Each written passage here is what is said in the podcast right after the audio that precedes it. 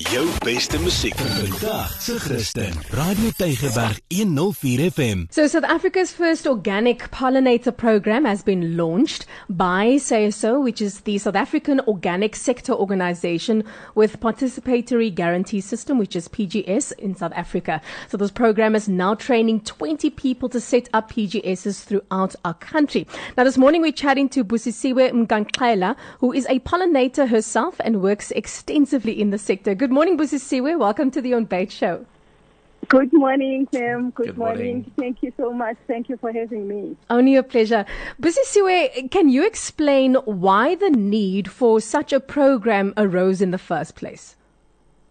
Yes, the PGS, uh, which is Participatory Guarantee System, uh, that uh, is uh, uh, spearheaded by SAOSO and PGSA on the Ecological Organic Agricultural Pollinator Program, which is training that is happening now.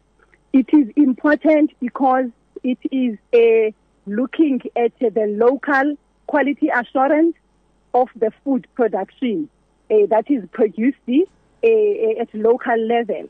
Because most people they want to know where their food is coming from and how the food is uh, produced, what is put into their food, and uh, with the organic standards that are put by SAOSO, uh, the farmers are able to produce this food that is clean, that is nutrient dense, and uh, because uh, the pandemic, uh, COVID-19, showed us that local production is very much important and that food that is full of nutrients uh, and uh, minerals, vitamins, and uh, essential amino acids that boost the, the, the, the, the immunity of the people is the thing that has to be uh, looked at and every family has a right to have that type of food so that then the organic food is not seen as food that is supposed to be uh, eaten by the elite, the, by the ones that are rich. Every citizen has got a right to clean, the nutrient dense food.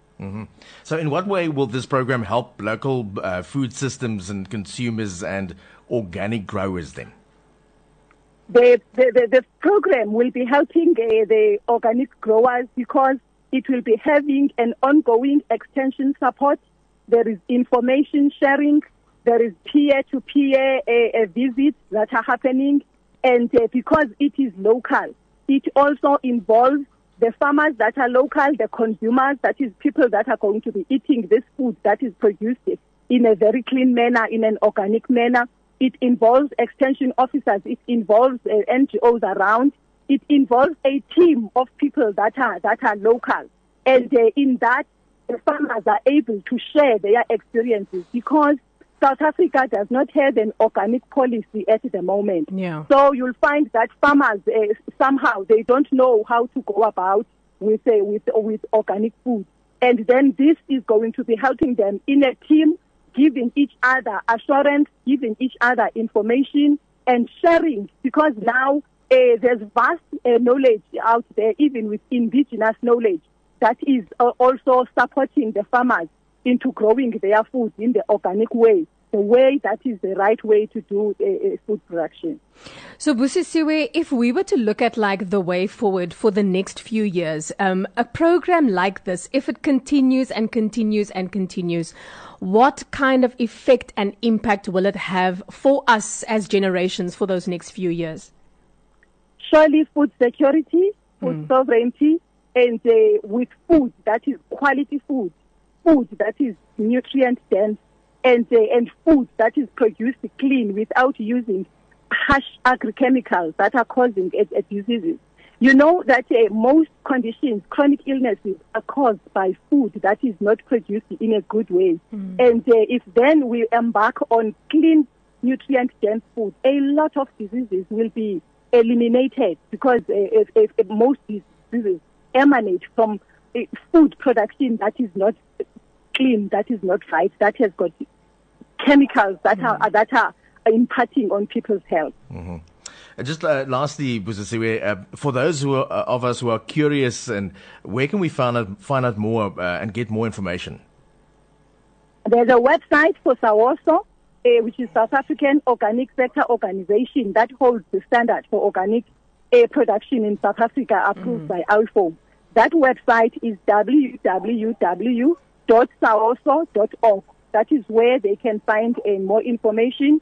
And again, if they can phone the Secretariat of Saoso, Colin Anderson at 082 808 9471. Again, PGSA, the chairperson for PGSA is Siphiwe Sithole, a farmer herself who has got a PGS group in Mpumalanga. It's 072 232 1174. And lastly, if they can email sasha at pgssa.org.za and again on Facebook, PGSA is there, so they can get the information there.